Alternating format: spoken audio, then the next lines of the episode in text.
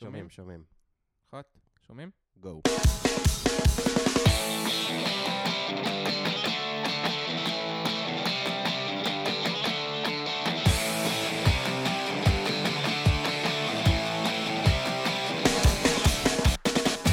שלום, ברוכים הבאים לפרק מספר 7 של מפתחים חסרי תרבות.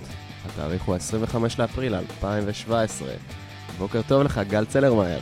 בוקר אור, אבי כבר לא רווק את ציוני, מה שלומך? מעולה, מעולה, אני מרגיש שיצאתי מעבדות לחירות, כל הארגוני חתונה האלה פתאום אה, נגמרו, יש לי זמן פנוי פתאום, לא יודע מה לעשות איתו. אולי אה, ננצל אותו להקליט פרק או משהו. אני חשבתי אולי לנצל אותו ל... למנוע את הספאמרים שהשתלטו לנו על האתר. וואי, מה זה הדבר הזה? טוב, זה, זה מה שקורה, לא עשינו שום עבודה בשביל אה, לגרום לאתר... לא. באמת אתה לא יודע מה אני רוצה להגיד. שלא כן, לא עשינו שום עבודה להקשיח את האתר, כן. אולי אני אוריד את זה בעריכה. אולי לא, אני אחליט. לא, זה טוב לפוסט מורטם.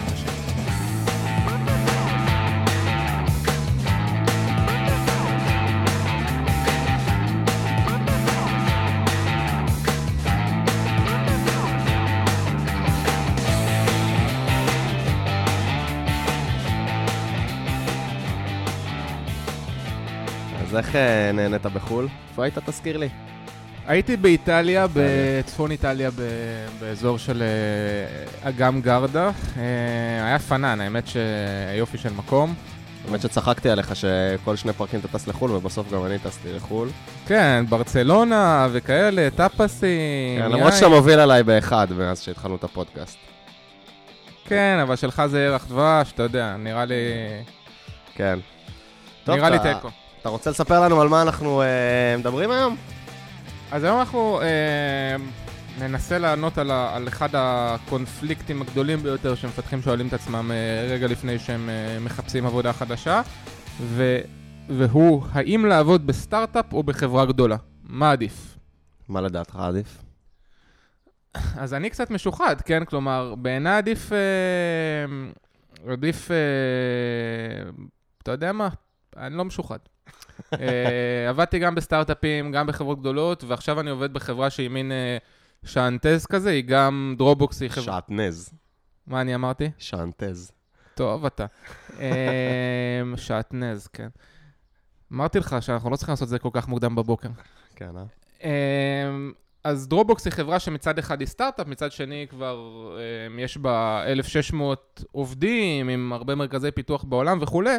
אמ, אז זה לא קורפורייט, אמ, אבל זה כבר לא, אתה יודע, סטארט-אפ של אה, 50 אנשים, אז סוג של יש פה מכל העולמות. אמ, אני לא יודע להגיד לך מה עדיף, כלומר, סטארט-אפ, חברה גדולה, משהו באמצע, אני חושב שזה נורא נורא תלוי, ב, תלוי במצב הנוכחי שלך בקריירה, ול, ולכל אחד הייתי ממליץ לעשות משהו אחר, שוב, כתלוי ל- לאיפה הוא בדיוק נמצא, אם הוא עכשיו סיים לימודים, או שהוא, אתה יודע, כבר עם 15 שנות ניסיון או משהו כזה.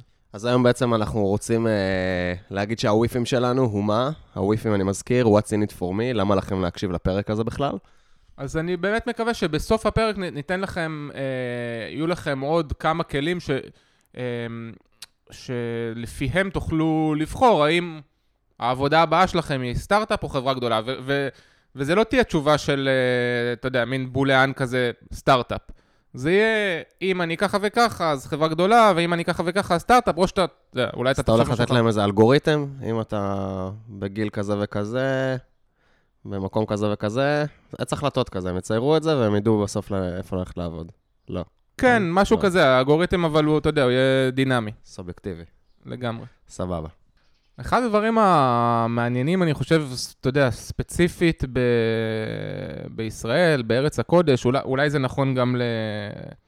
לניו יורק נגיד, אבל ברוב המקומות בעולם זה לא ככה, זה שבישראל כשאתה אומר הייטק, אז הדבר הראשון שעולה לך לראש זה דווקא סטארט-אפ, כן? כאילו, לא, לא, לא בכדי אנחנו נחשבים ל Start-Up Nation. ומה הדבר הראשון שעולה לך לראש כשאומרים סטארט-אפ? משהו אקזיט, האמת, זה מה כן, שלי אני עולה לראש. חושב שזה גם מה שאם תשאל את הישראלי הממוצע, בעיק- בעיקר דווקא כאלה שלא מהתעשייה, תגיד להם סטארט-אפ, הם יחשבו אפליקציה, קודם כל, מבחינת רוב האנשים אה, סטארט-אפ זה אפליקציה, ואיזו תמונה בעיתון של אה, חבר'ה צעירים, אה, כנראה יוצאי 8200 או משהו כזה, שפתאום נהיו מיליונרים. כן, עכשיו, אז זה כאילו, אני באמת חושב שזה כזה visual אחד שיש לך, ו visual אחר זה, אמ, אה, אתה יודע, אני חושב שזה דווקא של חבר'ה שהם כן עובדים בתעשייה, של אה, חמישה אנשים שיושבים באיזשהו גראז', אה, אוכלים כל הזמן רק פיצה, ו... ומנסים, אתה יודע, להוציא עשן לבן. איזה פיצה, ההייטקיסטים אוהבים לאכול בריא. כן, אבל... כן, בסדר. סתם, לא כן, ניכנס לדיאטה של אה, הייטקיסטים. אולי נעשה על זה פרק. מה, הדבר הראשון שעולה לך בראש כשמדברים על אה, חברה גדולה? או עזוב, כשאני אומר את המילה קורפורייט. אני חושב ש, שעוד לפני זה, כן, אם אתה עכשיו נמצא בוואלי, כן, בסיליקון וואלי בארצות הברית, אה, לצורך העניין, מסתובב בפאלו אלטו, ושם אתה אומר למישהו הייטק, אז הדבר הראשון שעולה לו לראש זה דווקא אה, חברות גדולות, כן, אה, גוגל, ליבי, אמזון, פייסבוק וכו', וסטארט-אפ שמה זה, זה לא המילה הראשונה שקופצת, כן, כאילו, אה, רוב האנשים בסיליקון וואלי עובדים ב- בחברות גדולות. כן, זה כנראה השיחה הידועה על האם ישראל היא רק המקום שמייצר את, ה, את הטכנולוגיה, ו, ובחו"ל יודעים לעשות לזה scale. אה, פחות ה scope של הפרק הזה, אה, אבל כן, אני, אני מסכים איתך. מה שאני חושב שקרה, אבל, או, או, או אתה יודע, גם ממשיך לקרות בשנים האחרונות, זה כבר הרבה שנים, לפחות, אה, נגיד, 8-10 שנים שזה, שזה מתפתח בכיוון הזה, זה שחברות גדולות מארצות הברית או מאירופה, הן מבינות את, ה, את הפוטנציאל האנושי, הטכנולוגי שיש פה בארץ, ואז או שהן קונות פה סטארט-אפים ובעצם מקימות פה מרכז פיתוח. מרכזי פיתוח, או שהן פשוט מבינות ש, שכדי, אתה יודע, לעשות scaling ל-R&D שלהם, יהיה להם יותר קל, אה, אם יהיה להם גם מרכז פיתוח בישראל כדוגמה, ו, והן רצות ועושות את זה. ואז, ואז כבר באמת מתחילה להיות השאלה המעניינת, אה, מה עדיף, כן? עכשיו, אנחנו כבר יודעים שבשנים האחרונות הולכות וצצ... הולכים וצצים פה יותר ויותר מרכזי אה, פיתוח של חברות גדולות, כן? אה, כבר היום יש פה לא מעט כאלה, בין אם זה חברות שהן, אתה יודע, יוסדו בישראל ו... והתפתחו, או חברות אמריקאיות, אירופאיות שהקימו פה מרכזים. אה, ועכשיו השאלה פה היא כבר אה, הופכת להיות מעניינת.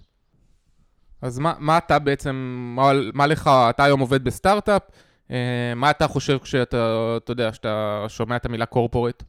האמת שהקונוטציה הראשונה שעולה לי בראש כשאני שומע את המילה קורפורייט זה, הייתי אומר, נראה לי בירוקרטיה. אתה יודע, אני לא, אני לא אומר אה, בהכרח שזה נכון, ונראה לי שאפשר לדבר על זה, אבל הדבר הראשון שעולה לי לראש שאומרים לי את המילה קורפורייט, אני ישר חושב אה, בירוקרטיה, פחות תכנות, יותר אה, ישיבות, יותר מסמכולוגיה. אז, אז אתה יודע מה, בוא, בוא, בוא נדבר על זה, כלומר, אני, אני מגמגם כי, כי זה נשמע לי מוזר, כלומר, כי אתה לא מסכים. אני חושב שיש חברות שהן מאוד מאוד בירוקרטיות, אני כן מסכים שהסיכוי שחברה קטנה תהיה בירוקרטית הוא יותר קטן, אבל אתה יודע, יש מלא חברות גדולות ש... שהמשפט הזה שאמרת שלא כותבים שם קוד, או כותבים שם מעט קוד ורוב, וכל הזמן עושים שם ישיבות במסמכולוגיה, לא יודע, אני יכול לתת לך עכשיו 100 חברות גדולות שהן מוציאות את המוצרים הכי טובים בעולם, אז יאללה, כאילו... חברה ראשונה. גוגל. נו, די, תמיד גוגל זה הדוגמה. תן חברה אחרת. פייסבוק. אני, אני יכול להמשיך, אבל אתה- רוצה עוד... כלומר, מייקרוסופט, לא, ציפיתי שתגיד אה, VMware, עבדנו שנינו ב corporate. גם VMware, כלומר, אה, אפשר לקחת את VMware, שאתה יודע, זה corporate per se, ועדיין, רוב הזמן שאתה אתה כותב, אתה כותב קוד, אתה לא כותב מסמכים. נכון, האמת שה image הזה כן קצת התנפץ לי ב-VMware. אני גם, אני גם זוכר שתמיד הייתה את התחושה הזאת שאולי בעולם הסטארט-אפים שמחוץ ל-VMware, דברים זזים אה, מה זה מהר ומה זה טוב, כי לא מתעסקים ב, בכל מיני ישיבות וכאלה, זה לפחות היה כאילו דעה רווחת של חלק מהחבר'ה ב-VMware. אני חייב להגיד שדווקא כשיצאתי מ-VMware, כשראיתי חברות אחרות איך הן עובדות, אה, זה נכון שיש הרבה יותר אה, דברים שאתה חייב לעשות כשאתה עובד ב corporate, אה, נגיד, אם אתה זוכר, היה לנו את ה... כל ה TPC security שהיינו צריכים לעשות, אבל בסך הכל, כאילו, היום-יום היה מאוד מאוד מסודר, זאת אומרת, לא היה כזה קטע של כאוס ובלאגן, ואתה יודע, כל אחד עושה מה שהוא רוצה, ובסוף זה לא מתכנס. שזה משהו ש... שלפעמים כן קורה. כן, תראה, אני גם חושב ששוב, בואו רגע נשים חברות שהן אה, בהגדרה לא מוצלחות בצד, ואז כל דבר שהם יעשו, או, או לפחות חלק גדול מהדברים שהם יעשו, הוא לא מוצלח וזה לא מעניין, אבל אם אתה לוקח חברות שהן חברות טובות, אז אה, הרבה מאוד פעמים החברות האלה מנסות אה, מצד אחד, אתה יודע, למנמל את הבירוקרטיה שלהם, כלומר, לגרום לזה ש, שלצוותים תהיה כמה שיותר אוטונומיה, והם לא יצטרכו להתעסק בבירוקרטיה יותר מדי. ומצד שני, כמו שאתה אומר, יש איזשהו, אה, אה, גם את הניסיון של, ה, של החברה, כן, של האנשים בתוך החברה, וגם את, ה, את האורך רוח, את הנחת, לעשות את הדברים ברמת הפרוסס, כן, ברמת המתודולוגיה, כמו שצריך, ולפעמים הדברים האלה הם חוסכים לך זמן, כמו שהרגע אמרת. אז אני מסכים שנגיד, באמת אה, ב-VMware הרגשתי שאנחנו עובדים מאוד מסודר, וזה גרם לנו כאילו לדעת בדיוק מה אנחנו צריכים לעשות ו- ולרוץ על הדברים. מצד שני, לא יעזור. אה, גם כשעבדתי ב-Outbrain, גם כשאני עובד עכשיו אה, באוריבי, סטארט-אפים זזים יותר, יותר מהר. זה, תשמע, זה שהם זזים יותר מהר זה, זה כנראה נכון. א', הם הרבה יותר קטנים ב, בכמות האנשים, כן, אז כשאתה קצת אנשים, הרבה יותר קל לזוז מהר. אה, מצד שני, אתה יודע, לאופנוע יותר קל אה, אה, להגיע למהירות גבוהה מאשר למשאית, אבל מצד שני, אתה, אתה יודע, זה, זה גם לא כזאת חוכמה. בסטארט-אפ בטח אתה עובד עכשיו 24 שעות ביממה, לא, האמת שלא. וכולי. האמת שלא. אנחנו דווקא באוריבי ממש לא, זה גם ממש... זה גם ממש קטע עקרוני אצלנו, ה-work-life balance, זה, זה משהו שהרבה זה היה סטיגמה כזאת פעם, שבסטארט-אפים עובדים 17, 18, 19 שעות ביממה, אתה יודע, אתה עובד עד 2 בלילה, חוזר אה, חזרה למשרד ב-9 בבוקר, או אפילו ישן במשרד. אה, היום כבר הרבה חברות הבינו שבטווח הארוך, לא בטווח הארוך של שנים, בטווח הארוך של כמה חודשים, זה, זה לא אפקטיבי. אנשים אה, נשחקים, לא בא להם על זה.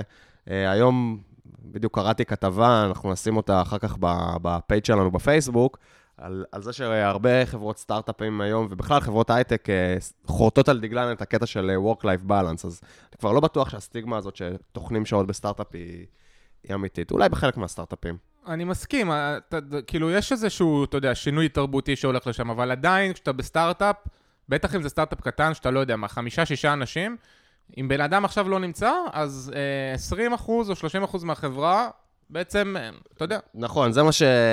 אני חושב שכאילו פה באמת אה, נגעת באיזה נקודה קצת יותר עקרונית ללמה בסטארט-אפים זזים יותר מהר. אני חושב ש... טוב, האמת שגם יצאתי בהכרזה כזאת, בסטארט-אפים זזים יותר מהר, זה... אני לא בטוח שזה נכון, אבל בתחושה שלי, אז אני חושב שבאמת הקטע הזה שאתה צוות קטן, אנחנו פה בצוות, אה, יש לי צוות של שמונה. אחד יוצא לחופשה, 12% מה-R&D של כל החברה לא נמצא. אתה חושב שכאילו ב-VMware כמה זה 12%? נגיד 10%, זה כאילו איזה 1,000, 1,500 איש לא נמצאים. כמה עובדים יש ב-VMware? 11,000 שעבדנו שם. 18,000, אבל כן. 18,000, אז אפילו, אפילו עוד יותר, קרוב ל...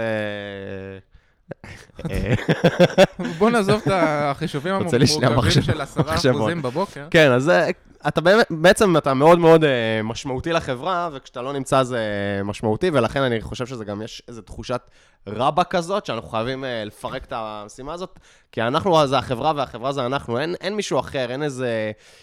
אתה יודע, איזה מחלקה, across the ocean, שתעשה איזה סיילס מטורף, שזה, כאילו, אם אתה לא תדאג שזה יקרה, זה לא יקרה.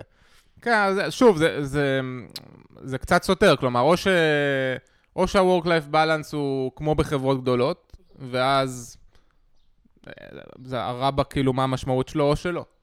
ה-work-life balance לא חייב להיות uh, כמו בחברות גדולות, אם אתה מסתכל על זה בקטע של, uh, אתה יודע, uh, uh, שעת אימהות, וכאילו יוצאים בארבע, אבל כן יש uh, work-life balance בקטע של, אתה יודע, גמישות בשעות, של uh, לא לעבוד יותר מתשע, עשר שעות ביום בשגרה. זאת אומרת, אם יש עכשיו... Uh, קרייסס, אז, אז כולם נשארים וזה ברור, אבל אתה, אתה מאפטם לזה שלא יהיו לך הרבה קרייססים כאלה, ושזה יהיה החריג ולא הנורמה.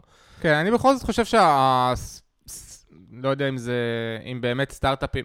אתה יודע, נראה לי שסטארט-אפים באמת זזים יותר מהר. אה, אני חושב שזה, שזה קורה בגלל שיש להם פחות קונסטרנטים, בייחוד קונסטרנטים של לקוחות, כלומר אין להם לקוחות, או יש להם מעט לקוחות, ו... הם יכולים לקחת הרבה יותר סיכונים. אני חושב שזה גם קונסטרנטים של לגאסי. Uh, uh, זאת אומרת, uh, אנחנו פה, יש לנו יכולת להתנסות במלא טכנולוגיות uh, חדשות, ממש בקלות, כי אנחנו עוד לא תלויים ב... ב, אתה יודע, שמונה שנים של עבודה שכבר נעשו על הפרויקט שלנו, ועכשיו לך תחליף איזה רכיב שנכתב באיזה טכנולוגיה שממש קשה לך להחליף.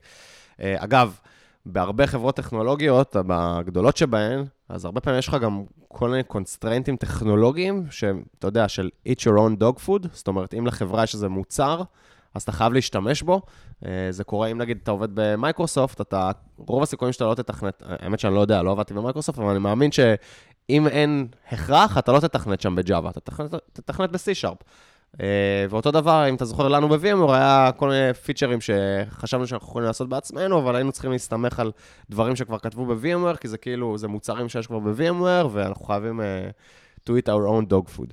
כן, אז אני בסוף מסכים איתך, אני חושב ש, שבגלל כל הדברים האלה, או בזכות כל הדברים האלה, אז הסטארט-אפים כנראה רצים יותר מהר, אני רק לא בטוח שהם רצים יותר נכון. כלומר, זה שאתה רץ מהר עדיין לא אומר שאתה תגיע קודם לאן שאתה רוצה, כי אם אתה עושה את הדברים בצורה שהיא לא נכונה, או לפעמים אתה לוקח סיכונים שהם אה, אה, מיותרים, אה, וגם אין לך אולי את הניסיון לעשות את הדברים נכון, אז יכול להיות שאתה תשלם על זה בהמשך. אני חושב שזה אחד ה... מה שאתה אומר, זה אחד הדברים שבאמת מאוד מתחברים לעבודה של הרבה שעות.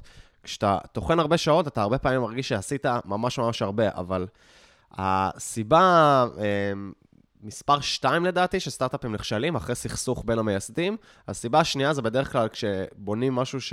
שהעולם לא צריך, שאין אף אחד שזה ממש מעניין אותו, המוצר הזה, ואני חושב שהקטע הזה שאתה יושב וטוחן מלא שעות, אה, ואתה מרגיש שעשית ממש הרבה, אז אתה באמת יוצא כאילו הביתה באיזו תחושת סיפוק מטורפת כזאת, אבל יכול להיות שאתה רץ כאילו, אה, רץ ספרינט בכיוון הלא נכון. כן, אז אני חושב שזה אחד, כן, זה, אתה יודע, זה בקטע של ה product, אבל זה גם יכול להיות אפילו, כמו שאמרנו קודם, בקטע של המתודולוגיה או בקטע של ה process, שבסטארט-אפ הרבה מאוד פעמים אתה, אתה מתחיל במין... אה, דרך כאוטית כזאת, כי, כי כשאתה בן אדם אחד אז זה לא משנה, וכנראה שגם שניים לא, אבל זה מין הופך להיות חלק מה, מה, מהתרבות, או חלק מה process של הארגון שלך, ו, וה, והחוסר במתודולוגיה הזאת, או, ה, או, ה, או הכאוס הזה, אה, גורם לכל מיני בעיות, זה יכול להיות לבעיות של, אה, אתה יודע, של אה, עבודה לא נכונה, כלומר, אתה כותב קוד שהוא לא... שהוא לא חכם ברם, שהוא אחרי זה יהיה קשה לתמוך בו, שיהיה קשה לדבג אותו וכולי וכולי. וגם בסטארט-אפ לא תמיד יש לך את כל ה... בחברה גדולה הרבה פעמים יש, אתה יודע, יש את אה, ניסיון all around החברה שמכוונים אותך למקומות הנכונים, גם ברמת המתודולוגיה, גם ברמה הטכנולוגית אפילו. כן, האמת שאני חייב אה, להגן אה, שנייה על אוריבי, אני פה מאוד חשוב לי באמת מינימום בירוקרטיה, אבל מקסימום efficiency, זאת אומרת, לפעמים... אתה יודע, אני חושב שצריך איזשהו פרוסס גם בסטארט-אפים, כאילו אי אפשר שהכל יהיה כאוטי, ואני ואני רואה יותר ויותר סטארט-אפים ש, שמבינים את זה, שהריצה הזאת, אה, אתה יודע, באמוק כלפי לא ברור, היא לא מטיבה איתם. אז אני רואה הרבה יותר סטארט-אפים היום שבאמת מכניסים קצת יותר פרוססים, בלי בירוקרטיה, אבל כן, להבין מה הדבר שהכי חשוב לנו, להתרכז בדברים, בדברים החשובים. אני חושב שזה גם סטארט-אפים שאין לי, לי איזה מספר להגיד שהם אלה שיצליחו, אבל אני חושב שזה מעלה את הסיכוי, בעצם זה שאתה באמת כל הזמן מסתכל על אם אתה עובד יעיל, אם אתה עובד נכון. אני, זה, אני מסכים, כלומר, יש אה, סטארט-אפים, uh, הטובים שבהם באמת הולכים לכיווני, לכיוונים כאלה, אבל בוא נשאל אותך עכשיו uh, שאלה כזאת בולאנית. היום אתה אה, סיימת ללמוד, כן? סיימת ללמוד מדעי המחשב, הנדסת תוכנה וכולי, ואתה צריך להתחיל עכשיו את העבודה הראשונה שלך. מן הסתם, סביר להניח שזה לא תהיה העבודה האחרונה, אבל בתור העבודה הראשונה שלך, בשנתיים, שלוש הראשונות, היית הולך לסטארט-אפ או היית הולך ל, אה, לחברה גדולה? בהנחה ששניהם טובים. וואי, זו שאלה מעולה. אה, אפילו לא אמרת לי שתשאל אותה מראש, אז אני צריך לחשוב עכשיו על תשובה אמיתית. אה, אבל האמת, אני חושב שהאינסטינקט יהיה תמיד להגיד, אה, לך לסטארט-אפ. כי יש איזו תחושה כזאת שסטארט-אפ זה משהו שמתאים לגיל צעיר יותר, כי באמת, בגלל הסטיגמות האלה של מלא שעות וכאלה. אני אישית לא בטוח שדווקא כדאי בעבודה הראשונה ללכת לסטארט-אפ, מכיוון ש... בחברות גדולות יותר יש הרבה יותר משאבים אה, ללמד אותך. זאת אומרת, יש יותר, אתה יכול באמת לקבל את הזמן ולקבל את החונך ולקבל קורסים והכשרות, אה, שבסטארט-אפ אה, זה לא שאתה לא תקבל חונך וזה לא שלא ישלחו אותך לקורסים, תבקש, אבל אתה, אתה תזרק ישר למים, ויכול להיות, ש... יכול להיות שאם אתה לא מהאנשים שמתמודדים טוב עם אה, כאילו זריקה ישר למים העמוקים, אתה יכול לחטוף איזה אוברוולמינגיות. יש, הפעם הצלחתי להגיד את זה. היה לך הרבה זמן להתכונן. כן, ש... שעשויה להיות בעייתית. אני, אני לגמרי מסכים איתך, אני חושב ששוב, הדבר החשוב הוא ללכת למ- למקום טוב, אבל אם אתה עכשיו באמת יכול לבחור, ואתה יודע, כל האופציות נתונות בפניך, אז, אז אני בתור העבודה הראשונה, אה, אגב, העבודה הראשונה שלי הייתה בסטארט-אפ, כן? אה, אבל אני בתור העבודה הראשונה שלי הייתי הולך על, אה, על חברה גדולה, בגלל הדברים שאמרת, וגם בגלל ש... באופן מובנה, בחברה גדולה שהיא טובה, אז, אז יש שם אה, דגש על, אה, על דברים... קליטת עובדים. גם על קליטת עובדים, אבל אני אומר, גם אחרי זה, גם אחרי שכבר נקלטת ואתה חלק מהעניין, אז יש הרבה מאוד דגש על דברים כמו master your craft, כן, על, אה, אה, על אה, sweating the details, על לעבוד בצורה שהיא, היא, שהיא נכונה, מתודולוגית, אה, לבחור את הטכנולוגיות הנכונות. גם יש את הזמן ואת הנחת לעשות את זה. כן, בחברה גדולה יש לך הרבה מאוד זמן, אה, לא יודע מה, להשקיע עכשיו ב-research, כי, כי צריך וכי זה נכון.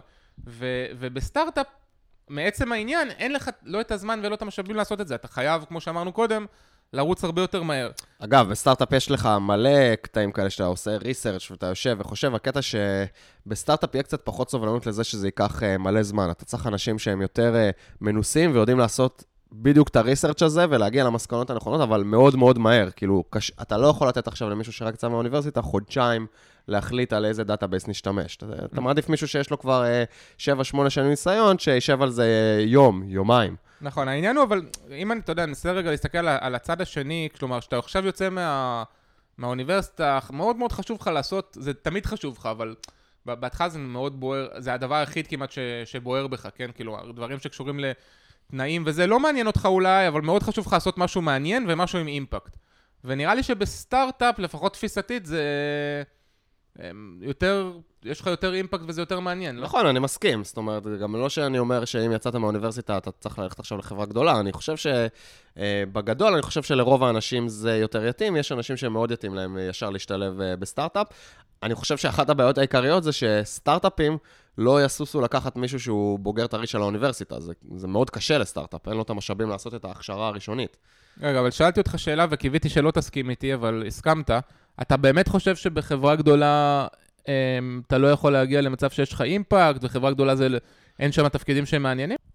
אני חושב שמעצם ההגדרה, ככל שיש אה, יותר אנשים, אז אה, מן הסתם יותר קשה אה, לעשות אימפקט אה, מאוד משמעותי על החברה. אני, אני אומר את זה בקטע של, אה, כמו שדיברנו, אם אתה אחד מתוך חמישה, אחד מתוך עשרה, אתה כאילו 10-20 אחוז מהחברה, ואם אתה עובד בחברה של uh, עשרות אלפי אנשים, אתה בסוף, לא משנה איך תסתכל על זה, אתה, אתה בורג קטן, ואני חושב שלג'וניור שיצא עכשיו מהאוניברסיטה, יהיה מאוד מאוד קשה לעשות אימפקט מטורף בחברה. אני חושב שהוא יכול לעשות הרבה אימפקט בצוות שלו ובקבוצה שלו, זה, זה לגמרי כן, זה תמיד. אני לא לא מסכים איתך, כלומר, אין ספק שככל שאתה נמצא בקבוצה יותר קטנה, אז ה... יש לך סיכוי לאימפקט יותר גדול. מצד שני, אה, תאר לך עכשיו שאתה נמצא בסטארט-אפ קטן, כן, שיש לו, לא יודע מה, עשרה לקוחות, אז האימפקט שלך הוא על זה. ואם אתה נמצא בחברה גדולה, שיש לה, לא יודע מה, כמה מאות מיליוני לקוחות, אז גם אם, ה, אתה יודע, הם, פיתחת עכשיו פיצ'ר שיחסית קטן, או התרומה שלך היא לא הייתה, אתה יודע, מאוד משמעותית באחוזים לחברה, אז האימפקט שלך על העולם הוא מטורף. אני חושב שמה שמטורף זה האימפקט של המוצר שאתה חלק ממנו על העולם. אני לא בטוח שספציפית הפיצ'ר שאתה עשית, האימפקט שלו הוא כל כך מטורף. יכול להיות שכן, אבל בדרך כלל, כשאתה עובד על מוצר ענק שיש עליו מאות ואלפי מפתחים, אז אתה תעשה פיצ'ר באיזשהו אזור מסוים שהוא יחסית קטן. שוב, אני לא, לא מזלזל בזה, כל, כל חתיכה בקוד היא חשובה ובסוף מתחברת למוצר הגדול, אבל בסוף יש אלפי אנשים שעבדו על המוצר הזה.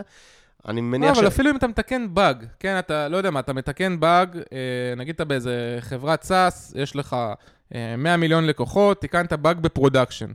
פוטנציאלית עכשיו, זה פוטנציאלית לא משהו, אתה יודע, פנטזיונרי, סביר, שעכשיו אתה משפיע בתיקון של ש- הבאג שלך על, על כמה... כמו לא- שדיברנו בפרק על הבאגים. בדיוק. כאילו, כמה, כמה הבאג הזה חמור. זאת אומרת, ככל שהמוצר הוא יציב יותר, גדול יותר, כנראה שזה, אתה יודע, הבאג הוא יותר קטן, הוא, האימפקט שלו יותר נמוך על המוצר, כי הוא משפיע באזור מאוד ספציפי, ואז, שוב, אני, אני שלא ישתמע פה שאני, שאני מזלזל בזה. זאת אומרת, חברות גדולות בנויות על כל uh, שורת קוד וכל פיצ'ר uh, הוא חשוב, אבל uh, דווקא אני חושב שככל שהמוצר יציב יותר, אז uh, כל באג קטן uh, יצ, יציב, גדול יותר, יותר פיצ'רים, אז, אז כל באג הוא, הוא פחות uh, משמעותי. זאת אומרת, אז בעיניי, עוד פעם, כאן זה, זה נורא נורא תלוי ב, באופי של הבן אדם. כלומר, אם, אם, אם מה שחשוב לך, אתה יודע, זה אימפקט אה, על לקוחות, אימפקט ביזנסי וכולי, אז במקומות הנכונים, בחברות הגדולות, לדעתי יהיה לך יותר.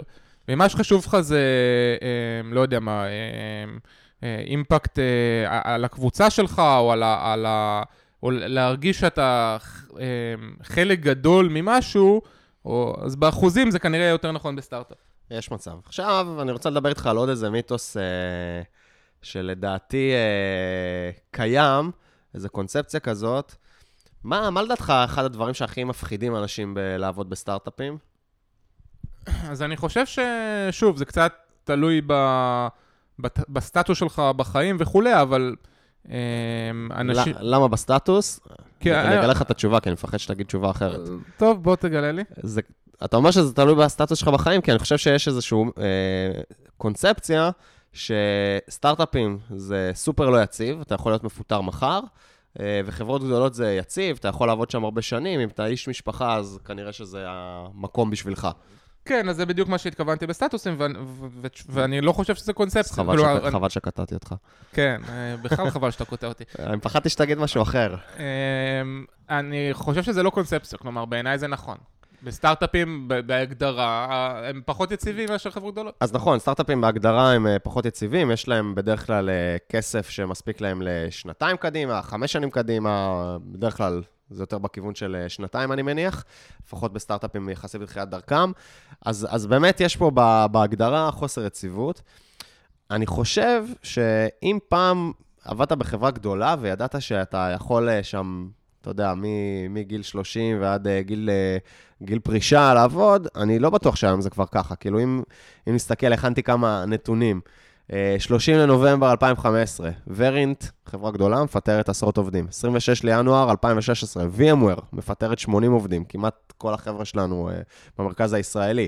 אה, ראשון לפברואר 2016, גל הפיטורים העולמי הגיע לישראל, קוואלקום מפטרת עשרות עובדים. ואתה יודע, אמדוקס קונברס, אנחנו מכירים את הגלי פיטורים שם, אה, יש לי פה עובדים שהגיעו מ-HP. ש... אבל מה הסיבה שלא שלא כתבת כמה סטארט-אפים נסגרו ב- באותה תקופה? אז נכון, אתה צודק, אז באמת הסיכויי ההצלחה של סטארט-אפים, אתה יודע מה, מה הסטטיסטיקה אומרת? נראה לי 10% ואנחנו אופטימיים? כן, 10% אנחנו אופטימיים, הסטטיסטיקה היותר אצלנו מדברת על 4% הצלחה, זאת אומרת ש-96% מהסטארט-אפים אה, נכשלים. וגם, אתה יודע... אישית לדעתי זה פחות מזה. כי- ואפילו סטארט-אפ שהצליח, זה לא בהכרח אומר שאתה היית בו בתקופה שהוא הצליח, כן? נכון. אה, אני, אני פשוט אומר שאני חושב שהקונספציה הזאת של אה, שבחברה גדולה אתה מוגן, אני חושב שהיא כבר לא נכונה. יכול להיות, יכול להיות שיש שם יותר יציבות, אני לא אומר שלא. אני חושב שבסוף, אה, קל להגיד את זה, אבל אם, אם אתה טוב, בדרך כלל, גם בחברה גדולה אתה, אתה תהיה יציב וגם בסטארט-אפ. זאת אומרת, הסטארט-אפ ייסגר, יחטפו אותך בסטארט-אפ הבא. כן, תשמע, אני לא, אני לא חושב שיש, אתה יודע, אנחנו נמצאים היום ב... לא יודע אם זה בועה, אנחנו בטח נמצאים בתקופה שהיא טובה ל, ל, למפתחים וכולי, ואין... לא מאוד קשה למצוא עבודה טובה, כן? אבל עדיין, כשאתה, אה, אתה יודע, שאתה כבר עם משפחה וילדים וכולי, אז גם אם אתה חודשיים או שלושה אה, עכשיו מחפש, אז זה לא תחושה הכי נעימה. אני חושב שיותר מזה, בסטארט-אפים, אתה יודע, זה, זה לפחות ככה אני זוכר מתקופתי אז, אה, גם אם אתה יודע, הסטארט-אפ הוא עובד ואפילו אה, אה, הוא מאוד ממומן ויציב ורץ וכולי, תמיד יש את התחושה הזאת של, אה, זה מין תחושה כזאת של מחר או שאנחנו עושים אקזיט או שמחר סוגרים את החברה. כלומר, אין שום דבר באמצע, זה מין כזה רכבת הרים. אה, אני לא מסכים איתך. אה, לא יודע אם Outbrain נחשבת סטארט-אפ אה, או לא, חברה גם כן, כשעבדתי שם היה שם בערך 400 או 600 עובדים. אה, שוב, זה כבר, אתה יודע, זה, זה כבר יותר ב... זה יותר השעטנז הזה של... אה, כן. אבל לא, ב-Oribi, אני, אין לנו את התחושה הזאת. זאת אומרת, יש, יש איזו תחושת urgency שאנחנו חייבים להגיע למטרות. אני חושב שזו תחושה טובה, זה, אתה יודע, זה שם לנו איזושהי אה, מטרה מול העיניים שאנחנו שועטים אליה. אני לא חושב שיש את התחושה הזאת, אני מקווה שאין אצל העובדים שלי את התחושה הזאת, שמחר יכול להיות שאנחנו עושים אקזיט, ומחר יכול להיות שהחברה נסגרת. לדעתי, שתי אפשרויות אה, לא ריאליות אה, באותה מידה. כאילו, אנחנו לא הולכים לעשות מחר אקזיט, והחברה לא הולכת להיסגר מחר. אוקיי, אז שיהיה בהצלחה עם זה. תודה. אז עוד אחד הדברים שאני חושב שהם אה, נורא נורא תלויי, מאוד מאוד תלויי סטטוס בחיים שלך, כלומר, אתה נשוי, אתה עם ילדים, מה קורה וכולי, זה העבודה הזאת שלך, זה, זה הנושא של התנאים. יש את הקונספציה הזאת, ואני חושב שזו קונספציה עדיין, אני לא בטוח, ש, שהתנאים אה, ברמת המשכורת וכולי, בחברות גדולות, הם משמעותית יותר טובות, מ... יותר טובים בסטארט-אפים. זה נכון בכלל? האמת שקשה לי להגיד אה, בדיוק, כי אני לא חשוף למשכורות בכל אה, חברה וחברה. בתחושה שלי, ב... אולי בחברות מאוד high-end, אה, כמו דרופבוקס, גל, אז... די, די, תמשיך. אז מאוד מפנקים את העובדים במשכורות גבוהות. אני חושב שבסך הכל, לדעתי, לתחושתי, ההבדלים הם לא משמעותיים, אם בכלל. בין סטארט-אפים מבוססים, לא כאלה שאתה יודע, גייסו 100 אלף דולר אה, ועובדים אה, בגראז', סטארט-אפים מבוססים שכבר גייסו סכום כסף משמעותי, ההבדל הוא לא משמעותי. כן, אבל אתה יודע, בחברות גדולות יש לך גם אה, בונוסים ומניות אם החברה כבר נסחרת, ושאני אה, לא מדבר איתך בכלל, אתה יודע, על, על, על, התנאים, על התנאים מסביב של, אתה יודע, החל מביטוח רפואי, דרך השפים במטבח לפלייסטיישן בסלון. סבבה, אז דווקא הדברים כמו שפים במטבח ופלייסטיישן בסלון, אה, דווקא יש הרבה סטארט-אפים אה, קטנים אך מבוססים שיש להם את הדברים האלה, כי זה חלק מה... אה, מהמגניבות של, של הסטארט-אפים, שהרבה סטארט-אפים אוהבים להתגאות בהם. אנחנו לא ניכנס עכשיו למה אני חושב על הדברים האלה. בגדול, זה כאילו קצת הטפל ולא העיקר, אבל לדעתי. אבל uh, באמת, אני חושב שכמו שאתה אומר, המשכורות הן לא הבדל כזה מטורף, אבל מה שכן, יש, יש את כל הנושא של הבונוסים, וזה משהו שמאוד, uh, אני יכול להגיד לך שמאוד קשה לי כשאני מדבר עם אנשים מחברות uh, מוצלחות, שאני רוצה לגייס אותם uh, לאוריבי, אז זה משהו שתמיד מטריד אותם. יש להם, uh, אתה יודע, כל מיני תוכניות, uh, אופציות ומניות וכאלה בחברה שלהם, ש, שתורגמו להרבה כסף. עכשיו, בסטארט-אפים, זה לא שאין לך את הדבר הזה, בסטארט-אפים אה, זה כמו, אתה יודע, כמו שאתה משקיע במניה בבורסה, זה סיכון סיכוי. ככל שאתה משקיע במשהו יותר מסוכן, אז גם הסיכוי שלך להרוויח אה, יותר כסף הוא, הוא יותר גדול. ככה זה גם בסטארט-אפים, זאת אומרת, אתה, יש לך יותר אופציות של הסטארט-אפ. אם הסטארט-אפ יעשה אקזיט ויצליח, אתה תרוויח משמעותית יותר ממה שאתה תרוויח בחברה גדולה עם הבונוסים הקבועים האלה פעם, פעמיים בשנה. אה, אבל גם הסיכון הוא יותר גדול, כאילו יכול להיות שהסטארט-אפ לא יצליח, ואז אתה לא תרוויח את הבונוס הזה בכלל. עכשיו, עוד משהו שלדעתי מרגש ב... בלעבוד בסטארט-אפ, ב... כשאתה עובד בחברה גדולה, נגיד ב-VMware, באמת היו מפנקים אותנו בכל מיני בונוסים אה, מנייתיים כאלה, שתלויים במחיר המניה של אה, VMware, ואתה יכול להרוויח אחלה כסף בזכות uh, זה שהמניה של VMware הצלחת, זה כאילו משתף אותך בתור עובד בהצלחה של החברה. אממה, אני חושב שבתור מתכנת ב-VMware, ההשפעה שלי על מחיר המניה הייתה פחות מאפס, מרוב שכאילו לא הייתה לי השפעה על מחיר המניה. לך לדעתי הייתה השפעה שלילית. כן, לגמרי.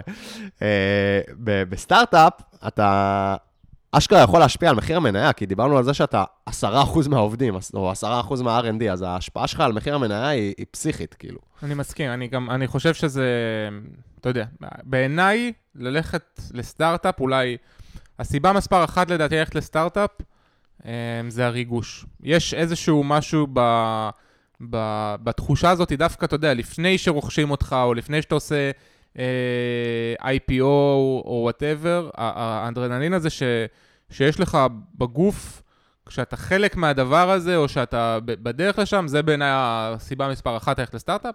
ושוב, אתה יודע, זה לא בכל שלב בחיים אתה רוצה את הריגוש הזה, אבל, אבל כשאתה רוצה את הריגוש הזה, אז בעיניי סטארט-אפ זאת החוויה. לגמרי. אמ, תגיד, אה, עוד משהו אמ, שהוא ככה מסקרן זה, זה, זה העניין של קידום. כלומר, האם בסטארט-אפ או אני אשאל את זה אחרת, מפתחים שהם, אתה יודע, כבר אה, צברו ניסיון ורוצים מאוד להתפתח, אה, או, אתה יודע, בהיבטים טכנולוגיים, או שהם רוצים להתקדם ל... להיות ראשי צוותים או מנהלים, או אפילו הם רוצים לעשות איזשהו שינוי כיוון למשהו אחר. זה לא משהו שהרבה יותר קל לעשות בחברות גדולות, שם יש הרבה יותר אופציות מאשר בסטארט-אפים? אז בגדול יש לך יותר אופציות בחברות גדולות, אני מסכים, זאת אומרת, יותר תפקידים נפתחים בתדירות יותר אה, גבוהה. מה שכן, לדעתי, אתה תראה שהרבה פעמים בסטארט-אפים יש אה, מנהלים, ארכיטקטים וכאלה יותר צעירים. למה? כי הם, אתה יודע, הם גדלו עם החברה מהיום הראשון, הם מכירים כל פרט ופרט בארכיטקטורה, בקוד. הם, אה, אתה יודע, עובד ראשון בסטארט-אפ, קלט אה, עובדים אחרים שהגיעו אחריו, והוא, אתה יודע, במובן מסוים הוא הכשיר אותם. אז באופן טבעי הוא נהיה כזה הבן אדם שמוביל, ה-go to guy וזה, ו- ו- וזה קלאסי שכשיהיה צריך ראש צוות, אז הוא יהפוך לראש צוות, לדעתי. סבבה, אז אה, דיברנו על מלא מלא דברים. תשמע, אני לא בטוח ש... שכיסינו הכל. כן, אני גם לא בטוח שנתנו אלגוריתם שהוא מספיק מובנה, שאומר, אם אני ככה, אני צריך לעשות ככה וכולי, אבל אני מקווה שכן נתנו חומר למחשבה. כן, כמו כל דבר בחיים, זה trade-off. אין, אה, אין תשובה מוחלטת. מי שאומר לכם שכן, הוא שקרן. סכם, סכם לנו את הפרק. טוב, אז דיברנו היום על השאלה הנצחית, סטארט-אפ או חברה גדולה. אה, כמו שהבנתם, אין פה איזו תשובה מוחלטת. אנחנו כן מקווים שהצלחנו היום אה, לשבור לכם כמה קונספציות, כמה קונספציות וכמה דברים שאולי אה, לא ישבו לכם לחלוטין בראש על מה ההבדל המשמעותי בין סטארט-אפ לחברה גדולה. ואנחנו מקווים שהצלחנו לעזור לכם בהחלטה לקראת העבודה הבאה שלכם. ומה עם הטיפ של הפרק? רגע, אתה מוכן לזה? קבלו אותו, הללו. הטיפ היומי!